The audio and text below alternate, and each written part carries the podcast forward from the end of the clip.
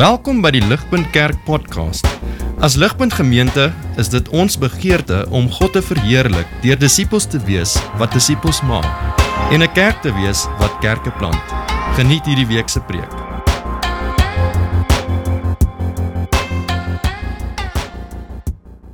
My eintlik exciting om hierdie reeks te begin. So dis iets heel unieks. Ehm um, is iets wat ons nog nie eintlik gedoen het nie. Dis 'n tematiese reeks ehm um, waar ons kyk na die tema van ehm um, vra wat weghou en ons glo hierdie is vra wat wat julle Christen vriende partykeer kan weghou van kerk af. En so ons glo regtig is actually baie belangrik om om om antwoorde te hê op hierdie vrae. En so soos ons deur die reeks gaan, het ons dit ook so voorberei met die doel dat die mense gaan weet wat twyfel het en vra het oor hierdie spesifieke dinge. Um en soos ek kyk, is ek redelik seker hier's baie van hulle vanaand, maar dit beteken nie hierdie is verniet gedoen en voorberei nie, want ons het nodig as Christene om ook antwoord op hierdie vrae duidelik te kan gee vir die daar buite. En so ek dink regtig hierdie is 'n ongelooflike geleentheid vir ons om om in te duik op op op regtig bietjie meer apologetiese vrae wat ons vir ons vriende kan wys. Luister, hierdie is hierdie is hoekom daar nie een ware geloof kan wees nie. Hierdie hierdie is hoekom God goed is, maar ook swaar kry toelaat. En en en hierdie is hoekom ons die Bybel kan vertrou. En ehm um, en so ek is opgewonde vir reeks en ek wil julle weer aanmoedig om om mense te nooi en um, en en te luister en te weet al al is hierdie dalk bietjie intellektueel, um ons as Christene het meer as ooit nodig om om antwoorde te hê op hierdie vrae. Um so ek gaan afskop met 'n bietjie langer inleiding en hierdie is dalk die mees tegniese deel van my preek, maar um ek wil hê volg my luister want dit is belangrik om om om te volg in die res van die reeks en en baie belangrik om in ons kop te hou soos ons kyk na vanaand se se onderwerp. So ek ek glo regtig ons um Ons lewe in 'n in 'n tyd met 'n kultuur waar skeptiese mense en godsdienstiges beide voel of hul bestaan bietjie bedreig word. Um so ons ons weet ons het definitief nie meer vandag 'n uh, westerse Christendom van die verlede waar almal redelik Christen is nie, maar ons ook nie daai voorspelde samelewing waar niemand geloof ernstig vat nie. Um so ons het ons het iets in die middel. Um ons het ietsie anders. En so ons lewe met 'n populasie waar daar meer skeiding kom tussen die skeptiese persoon wat dalk 'n Christen was in sy ouer huis maar nou begin vra vra en meer liberaal optree en actually begin rebelleer teen Christendom en dan dies wat besef o maar wag ek het in hierdie nominale Christenhuis groot geword of ek was nooit 'n Christen nie en en en eintlik Christendom baie ernstig opvat. En en ons moet besef dat albei hierdie groepe is besig om te vermeerder. Dis 'n realiteit En so so my voorstel is dat dat beide van hierdie groepe moet kyk na twyfel of doubt in 'n in 'n baie nuwe radikale manier. En so gelowiges en en dis nou julle en en wanneer ek praat met skeptiese weet dat dat jy kan dink aan die skeptiese vriend en hoe jy aan hulle jy kan kommunikeer. Maar ons as gelowiges moet erken en stoei met ons eie onsekerhede. Maar ook nie net ons eie nie, maar ook ons vriende se. Dis nie oukei okay om net jou vriend te los met sy onsekerhede nie. Nee, ons wil hulle help en ons moet ook stoei met dit. Dis nie genoeg vir ons om net Christene te wees omdat ons so groot geword het nie. Slegs as jy en ek lank en hard stoei met argumente teen ons geloof, sal ons ordentlik en deeglik kan rede gee vir ons geloof en actually daai skeptiese vriend of vriendin kan bereik. En so in hierdie proses sal ons onsself ook vind in 'n sterker geloofsposisie en respek vir die ander persone wat twyfel. Jy sal meer oortuig wees van wie God is en wie Jesus is.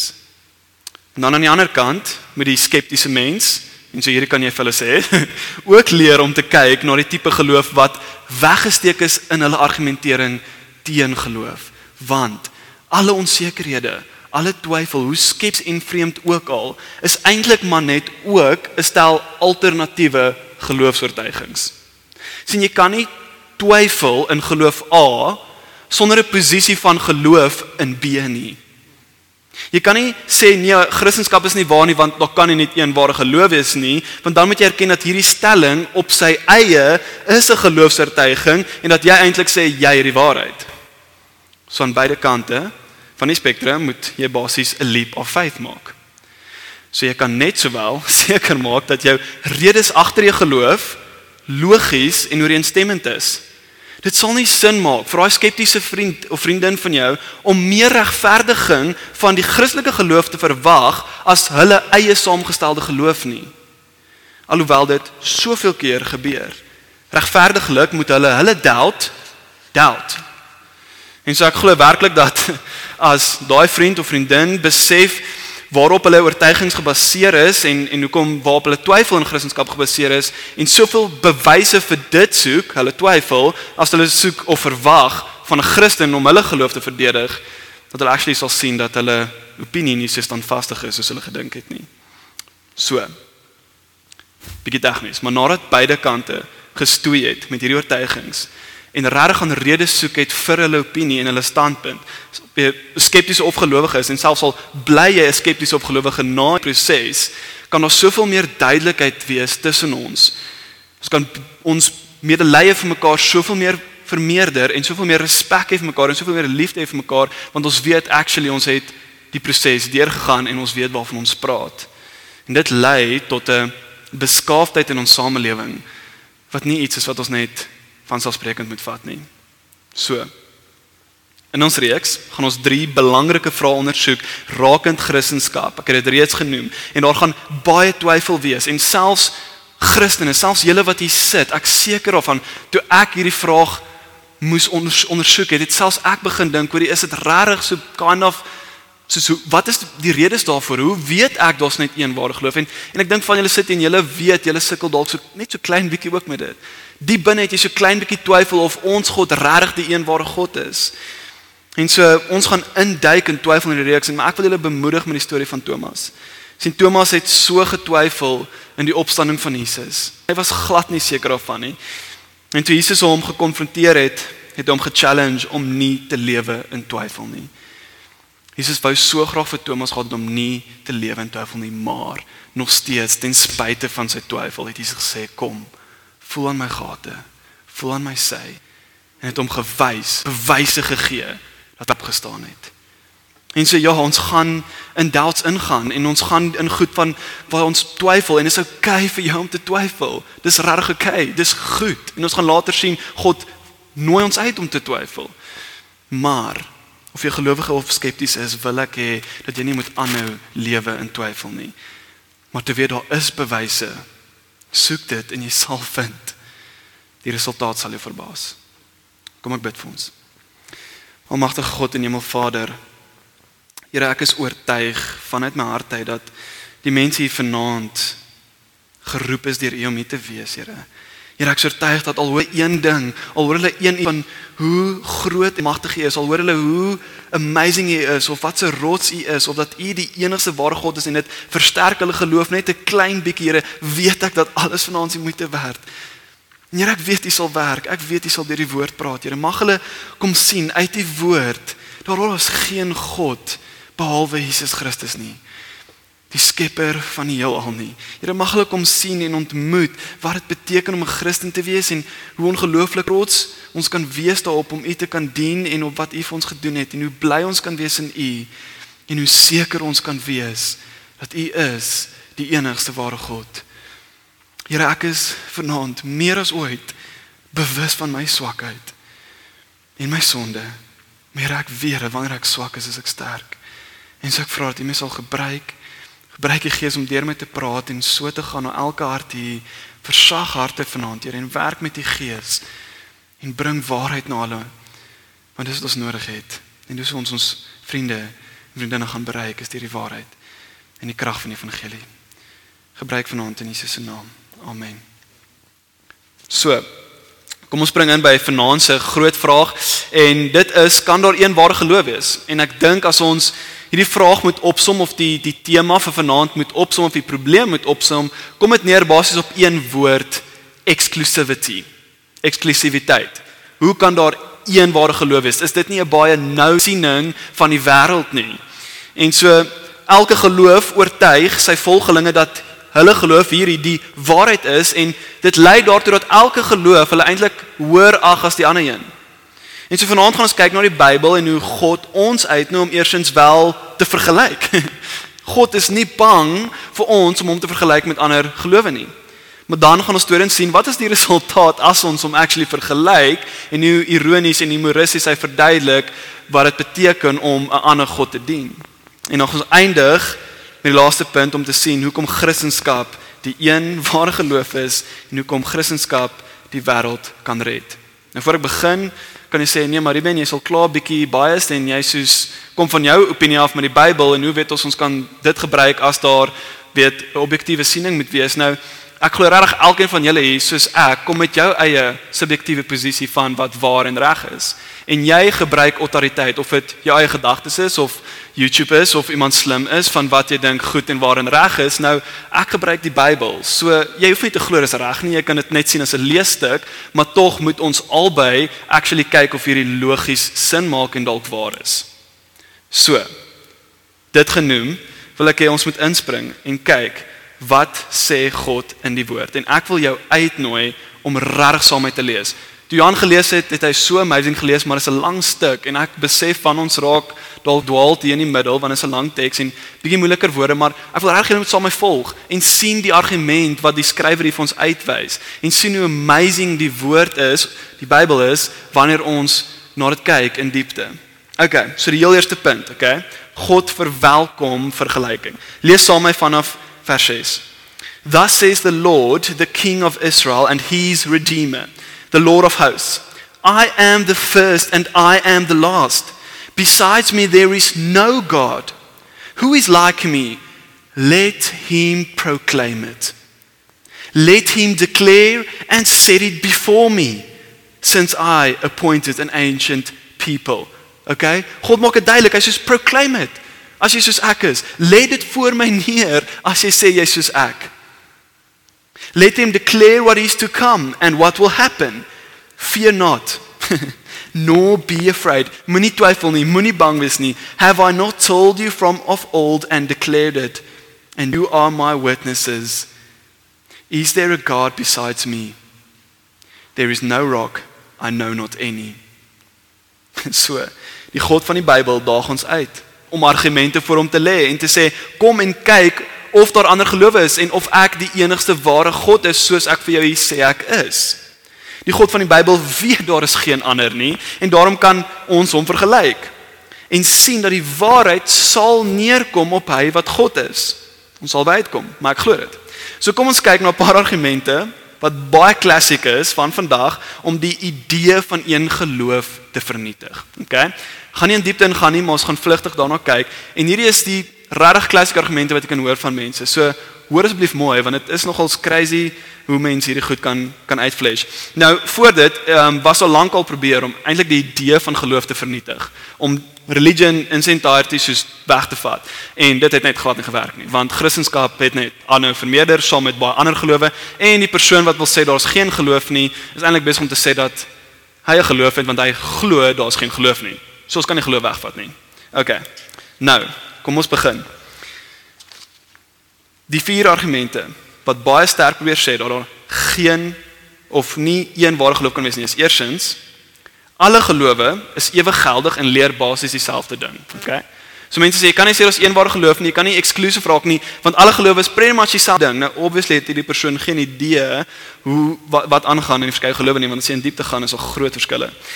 Tweedens elke godsdiens sien gedeeltelik die waarheid, maar geen godsdiens sien die volle waarheid nie. Okay, so premats daai prentjie van die berg hierbo is is is, is die waarheid en ons almal volg maar net 'n patroontjie om die berg, maar daar's nie eintlik net een pad nie. Okay, so almal sien gedeeltelik die waarheid en doen 'n uitding, maar daar's nie een volle waarheid nie. Godsdienst is slegs gevestig vanuit geskiedenis en kultuur en daarom is daar uh, of is die idee van een ware geloof arrogant, okay? So die argument wat jou vriend sal sê nee, maar as jy in 'n moslimland groot geword het, sou jy 'n moslim wees. So hoe weet jy dat jou geloof reg is want dis net hoe jy groot geword het, okay? So jou geloof is gevestig of, of kom van geskiedenis en jou kultuur af. Vierdens, dit is arrogant om te glo jou geloof is reg en dan mense eintlik daarvan te probeer oortuig. Okay, so dis die vier argumente. Nou, Ek kan in diepte in elkeen van hierdie ingaan en probeer verdedig. Maar grootendeels is elkeen van hierdie stellings, luister mooi, elke een van hierdie stellings of een van die stellings wat gemaak word deur 'n persoon 'n eksklusiewe claim tot waarheid. Jy kan nie sê daar kan nie een ware geloof wees nie, maar dan gebruik jy een van hierdie redes nie want jou rede wat 'n geloofs-oortuiging is, moet dan die een ware geloof wees. Maak dit sin? Daar's hierdie illustrasie wat dit wat dit bietjie duideliker kan maak van van die blinde man en die olifant. So hy's hy's hy's hy's drie blinde mans en hulle loop en hulle kom by olifant uit, maar hulle is blind, okay? So die eerste man begin voel aan die slurp en hy sê yes, hierdie ding is lank en dit en dit voel soos 'n slang. En sy ander vriend sê nee nee nee nee, hierdie ding is, is, is rond en en groot en dit en dit voel amper soos 'n soos 'n boomstom en hy hou vas aan die olifant se been. En die derde vriend sê nee nee nee, hierdie is groot en plat en hy voel aan die olifant se sy. Nou, nou die probleem met hierdie storie of enige skeptiese persoon wat hierdie storie gebruik, is dat die storie backfire so hard op homself. Want as jy sê hierdie is hoe gelowe werk, dat elkeen net net 'n deeltjie van die waarheid, maar niemand sien eintlik die groot waarheid of die olifant of die een geloof nie. Wel jy staan van 'n posisie af waar jy dan kan sien. As ek die storie vertel en sê daar's drie blinde mans, sê ek okay, so ek sien maar julle drie is blind. Dit kan nie werk nie. Verstaan? Of jy is saam met my blind of daar is 'n waarheid. Jy kan nie vir my sê Christendom is die enigste of Christendom is 'n deeltjie van die waarheid en daai is deeltjie van waarheid, maar dan staan jy en jy maak asof jy dan al die kennis in die heelal het nie want jy groter prentjies sien nie. So as of een waarheid of almal is blind. So.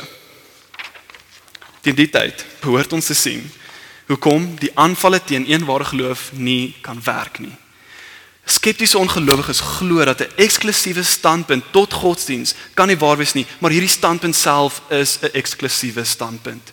Dit aanvaar dat God onkenbaar is of dat God liefdevol maar nie regverdig is nie of dat God 'n onpersoonlike wese is eerder as 'n persoon wat deur sy woord praat. En al hierdie is onbewysbare geloofsvertuigings. Hulle glo dat die wêreld 'n beter plek sal wees aan wel vir almal as ons net die tradisionele godsdienstige sienings van die dag sal los. So duidelik is hulle siening eksklusief en die enigste standpunt op natuur en geestelike realiteit. So as alle ander sienings of alle ander godsdienste sienings moet vermy word, dan moet hulle siening om te sê dat dit nie kan werk nie vermy word. So, dit lyk vir my dat dit nie help ons probeer argumenteer dat daar meer as een geloof kan wees nie want dit werk nie. Maar ook nie almal kan reg wees nie. Daar moet een waarheid wees. En ons sien dat die God van die Bybel hierdie weet. Hy weet daar is geen ander soos hy nie. Maar kom ons leer verder en sien wat die verskil tussen hierdie God en ander gelowe. OK. So ons gaan 'n 'n langer gedeelte lees. Ek wil hê jy lees saam met my en volg die argument volg die humor en die ironie in hierdie argument en en sien een ding. Al die ander gelowe en ons gaan dit nou-nou ook sien, al die ander gelowe wat bestaan buite Christendom is mensgemaak en kom van die mens af en is afhangend van die mens. Christendom kom van buite ons en buite ons realiteit en buite ons wêreld. OK. Dit genoem, kom ons spring in vers 9 all who fashion idols, okay, almal wat vir hulle gode bou en maak, are nothing. And the things they delight in do not profit. Dit werk nie. Their witnesses neither see nor know that they may be put to shame. Who fashions a god or casts an idol that is profitable for nothing? Behold, all his companions shall be put to shame, and the craftsmen are only human. The craftsmen are only human. Let them all assemble, let them stand forth. They shall be terrified, they shall be put to shame together. Okay.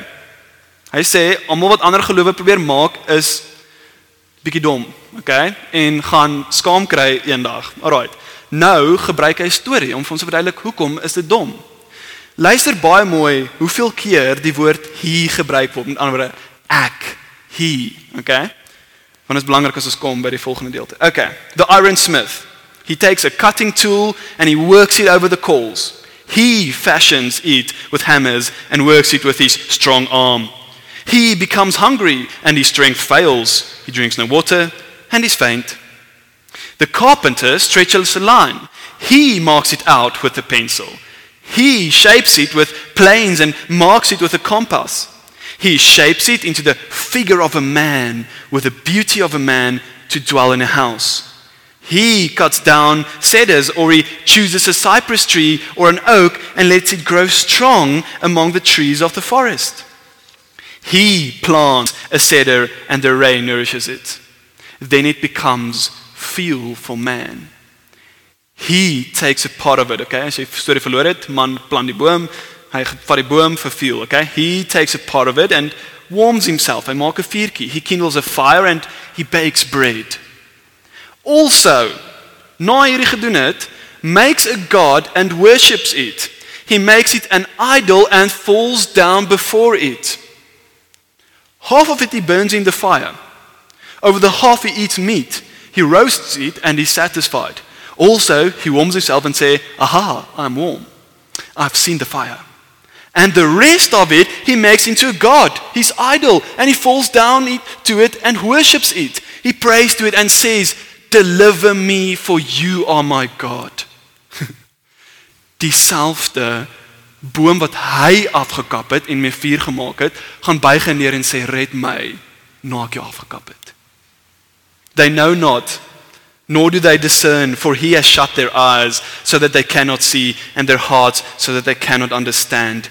No one considers nor is there uh, knowledge or discernment to say half of it I burned in the fire I also baked bread on its coals I roasted meat and have eaten and I shall make the rest of it an abomination. Shall I be fall down before a block of wood? He feeds on ashes. A deluded heart has led him astray, and he cannot deliver himself or say, Is there not a lie in my right hand? Dis ironies dat die persoon sy eie god maak en dan aanbid. As die godsdiens of sy beeldjie of wat ook al hy maak vanuit homself kom, hy het dit saamgestel, hy het dit gemaak, is hy nie dan soveel meer superieur as dit wat hy gemaak het nie? Is hy nie soveel beter as dit wat hy gemaak het nie? Is hy dan nie eintlik God nie? Kyk saam met my na die ander verskillende gelowe wat sal opkom vir julle op die skerm en ek wil sien hoe daar 'n sinonieme kontras is met hierdie en dit van hoe al die ander gelowe en ek sê erg al die ander gelowe buite in Christendom soveel meer gaan oor die mens wat dit gemaak het, die mens wat iets moet doen en die mens wat eintlik God self moet wees, maar niemand sien dit raak nie. Behoort op te kom, daar's 'n paar. Nou, dis is die top 12 of 18. Ek weet nie hoeveel daar is nie. Ek gaan vinnig deur dit gaan. Ons gaan nie elkeen in diepte deur gaan nie, maar ek wil net julle moet deur kry. Okay, soos agnosticism, ons weet dis wanneer iemand kan of nie kan verstaan of God is of nie, maar hy gee eintlik nie om nie. In kort, ateïsme glo glad nie in 'n God nie. Dan het ons die Baha'i. Okay, the faith began in Persia in 1844. Okay, ek gaan daar stop, jy kan die res lees. So die geloof begin in 1844. So 1844 begin die geloof. Okay. So wie dink julle het dit saamgestel? Definitief mense. Jy kan nie in 1844 iets saamstel en dan sê nee, dit was altyd daar nie. Okay, ons kan aangaan. Dan het ons Boeddhism. Okay, ons weet Boeddhism ek kan nie al lees nie, maar dit is um ja, a living based on the teachings of something something. The five precepts are the basic rules of living any Buddhist life. So refrain, doen hierdie, doen daai, moenie dit doen nie. Okay? Pretty much Buddhism en as ek reg is, het Buddhism ook 'n Buddha beeldjie wat definitief gemaak is deur iemand. Um wat baie ironies is want ons het nou net al gelees. Maar Buddhism, soos baie ander gelowe, moenie dit doen nie, moenie dat doen nie, doen dit en dan sal jy gered word. Okay? So eintlik moet jy jouself red. Okay, dan het ons Christendom based on the teaching of Jesus Christ.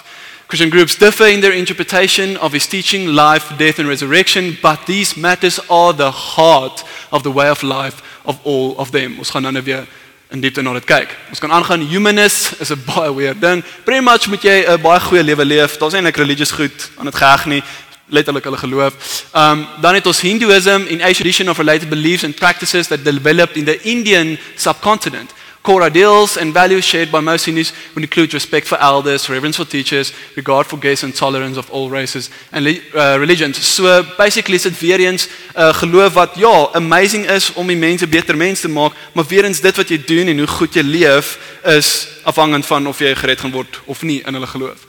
Islam ons weet dis die die moslim geloof ons weet daar's amazing hoeveelheid tradisies en rotines en 5 keer 'n dag en 'n pelgrimsreis wat jy moet volg as jy eintlik wil gered word in die Islam geloof. Okay? So dit gaan letterlik oor wat jy doen, jou prestasies en jou eh, dinge wat jy bereik in jou lewe. Alles gaan rondom eintlik of jy 'n goeie lewe leef en niks anders nie want ons laastens um Judaism en ons weet Judaism is eintlik sal ek sê kan of die naaste aan Christendom. Hulle glo net God het glad um, glad nooit mens geword nie, maar nog steeds hou hulle vas aan die ou wet en tradisies en so hulle moet ook seker hoeveelheid goed nakom vir hulle om righteous te wees. Okay. Nou, ek het baie vinnig oor gegaan en julle kan in diepte in in almal ingaan. Um ek gaan dit nie nou doen nie, maar gaan kyk na elke geloof. Gaan kyk of daar enige ander geloof is buite Christendom waar jy nie of wil jy ja, waar jy gered kan word sonder dat jy iets moet doen, iets moet wees of sonder dat die geloof deur mense saamgestel is en hulle eintlik dan die God is. So, wat ons sien is dat alles draai, al die ander gelowe draai rondom die mens se aksies. OK, die mens aksies en hoe die mens moet lewe en hoe goed die mens moet wees en hoe die mens homself na die hemel toe moet vat. So weer eens, as ons daai argument volg, as die mens dan homself kan red deur sy eie aksies, is hy dan nie meer kragtig as die aksies of die geloof self nie. As ek myself kan red, is ek dan nie 'n God nie? Maak dit sin? Elke ander geloof word gebaseer op wat jy reg doen en hoe goed jy is. So kyk links aan my, jy het nie hierdie reg kry nie, jy gaan nie gered word nie, maar ek is beter as jy en ek's eintlik 'n tipe van 'n God want ek kan myself red. Jy gaan dit nooit reg kry nie want jy is swak. Dis rarig die gist van ander gelowe. Nou wil ek eers met draai na Christendom toe en ek wil weer julle moet saam met my lees in die teks. Onthou hoe ons gelees het elke keer he does this, does that, whatever. He he he. Kyk hoeveel anderste is ons God van die Bybel. Vers 21 lees saam met my. Remember these things Jacob, for you Israel are my servant. I have made you. You are my servant Israel. I will not forget you. Hoor hierso. I have swept away your offenses like a cloud, your sins like the morning mist. Ek vat jou sondes weg, nie jy nie. Niks wat jy doen of regkry of goed jy is kan maak dat jou sondes verdwyn nie. Nee, ek vat jou sondes weg. Ek skuif dit uit die pad uit. Return to me for I have redeemed you. Ek red jou, herstel jou en bring verzoening met jou. En so wat doen ons? Hoe reageer ons? Doen dit, doen dat, doen nee, nee, nee. Sing for joy, you heavens, for the Lord has done this. Nie jy nie. Shout aloud, your earth beneath. Burst into song, you mountain, forest and all you trees. For the Lord has redeemed Jacob, he displays his glory in Israel. Remember these things, O Jacob and Israel, for you are my servant. I formed you. You are my servant, O Israel. You will not be forgotten by me. I have blotted out your transgressions like a cloud and your sins like mist. Return to me, for I have redeemed you. Ek wil eers met inneem dat hierdie God is soveel anders as enige ander God. Hier is die God van die Bybel en van Christendom radikaal anders as enige ander god wat deur die mens uitgedink kon word. Hierdie God, die God van die Bybel, is die Alfa en die Omega, die begin en die einde. Hy het jou gevorm in jou ma se moederskoot. Hy het alles geskape van die begin af. Hy was daar en hy sal nooit weggaan nie. En in kontras en enige enige ander geloof het ons God wat alles geskep het en jou gevorm het, mens geword. Deur Jesus om vir jou verlossing te bewerkstellig op 'n houtkruis. Wat gelyk het of hierdie God so swak was, gehang het. Daar het hy oorwinning bewerkstellig. En daar het hy dit moontlik gemaak vir jou om vergifnis van sonde te kan kry, verzoening met Jesus, hoop vir 'n nuwe lewe. En ons kan net bekeer en glo. Dis al. Timothy Keller skryf in in Reason for God en dis die boek wat ons gebruik om as hulp vir ons in hierdie reeks. Christianity not only leads its members to believe people of other faiths have goodness and wisdom to offer. Ons het gesien hoeveel van ons gelowe behels goeie lewens. It also leads them to expect that many will live lives morally superior to their own. Most people in our culture believe that if there is a God, we can relate to Him and go to heaven through leading a good life. Let's call this the moral improvement view. Christianity teaches the very opposite. In the Christian understanding, Jesus does not tell us how to live so we can merit salvation. Rather, he comes to forgive and save us through his life and death in our place. God's grace does not come to people who morally outperform others, but to those who admit their failure to perform and who acknowledge their need for a savior. So, as Christene kan ons verwag om ongelowiges te gekry wat baie nicer, baie ouliker, baie cooler is as ons. Hoekom? Want Christene word nie aanvaar deur God op grond van morele prestasies of hoe cool of oulik of slim jy is nie. Nee, ons word aanvaar te dank aan wat Jesus Christus gedoen het in ons plek. En hierdie julle in kontras teen enige ander geloof, hierdie is goeie nuus. Meeste godsdienste en filosofieë van lewe aanvaar dat jou geestelike status hang af van jou godsdienstige prestasies. En dit lei outomaties tot soveel hoogmoed en idee dat jy superieur is tot die persoon langs jou wat dit nie kan doen nie. En Christendom het nie hierdie effek nie, hulle. So moenie laat dit hê nie. Moenie nooit dink jy is cool of oulik dat jy Christen kan wees nie. Nee. Dit was nie jy nie. Jy's bloot gered uit genade. En jy kan net sê dankie Jesus. Ek kan soveel meer vir julle vertel van die wonderlike Jesus en hoekom Jesus Christendom soveel anders maak as enige ander geloof en hoekom dit die actual enigste ware geloof is en hoekom wanneer jy Jesus ontmoet jou lewe totaal en al sal verander maar ek wil nie probeer om Jesus te analiseer en actually om afwater tot iets wat hy nie is nie want dis wat ek kan doen. Maar ek wil julle uitnooi as enigiemand van julle vanaand sit en en en hierdie maak nog nie sin van jou nou jy het nog steeds twyfel. Gaan lees die Nuwe Testament gaan lees die evangelies gaan lees die die hoeveelhede witnesses wat skryf oor Jesus en wie hy is en wat hy gedoen het en hoe dit lewens verander het en ontmoet hom want ek glo regtig Jesus is nie 'n tradisionele of religious leader nie. Nee, hy's 'n lewendige God. Dat wanneer jy met aanraking kom teen hom of met hom, jou lewe absoluut sal verander. Ek glo dit met my hele hart. Kan nie anders of self te bly nadat jy met Jesus in aanraking gekom het nie. Hy's 'n lewende God. Hy wil jou ontmoet, hy wil jou lewe verander en hy sal jou lewe red. Bekeer en glo. Hoor wat hy vir jou te sê het. Ontmoet hom. En vir elkeen van julle wat hier sit en hier is eintlik vir julle topik wat julle dink nee maar eintlik gee ek nie reg om oor nie. Ek is Christen, ek's fine en jy weet, ek dink ek het hierdie nodig nie. Ek wil nog steeds jou vra. Gaan lees oor Jesus want dit help jou om sekerheid te kry dat jou God die een ware God is. En help jou om te weet wie jou Jesus is. En help jou om hierdie Jesus te kan verkondig aan die wat twyfel in hom. Kom ek bid vir ons. Ja, Here ons um, ons het eintlik so vlugtelik gekyk na 'n vraag wat so diep kan behandel word. Ons het gevlugtig gekyk na iets wat soveel meer oor gesê kan word en ek nie die verstand of wysheid het om om te kan doen nie, maar Here ek is so oortuig in my hart, daar is geen ander God behalwe U nie. Here, want U red en U is genadig en U het gekom deur Jesus om alles te doen in ons plek. Wie het 'n God soos dit? Wie het 'n God soos Jesus wat sê ek neem jou plek op daai kruis? Glo in my en jy het ewige lewe. Here ons sê vir dankie vir hierdie goeie nuus. Ons sê vir dankie wat u kom doen dit in ons plek want ons sou nooit goed genoeg kon wees nie.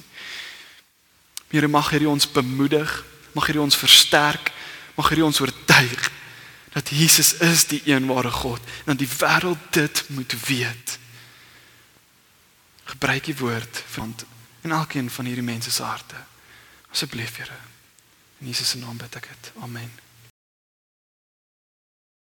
Vir meer inligting oor Ligpunt Kerk, besoek gerus ons webwerf op www.ligpunt.com of kontak ons gerus by info@ligpunt.com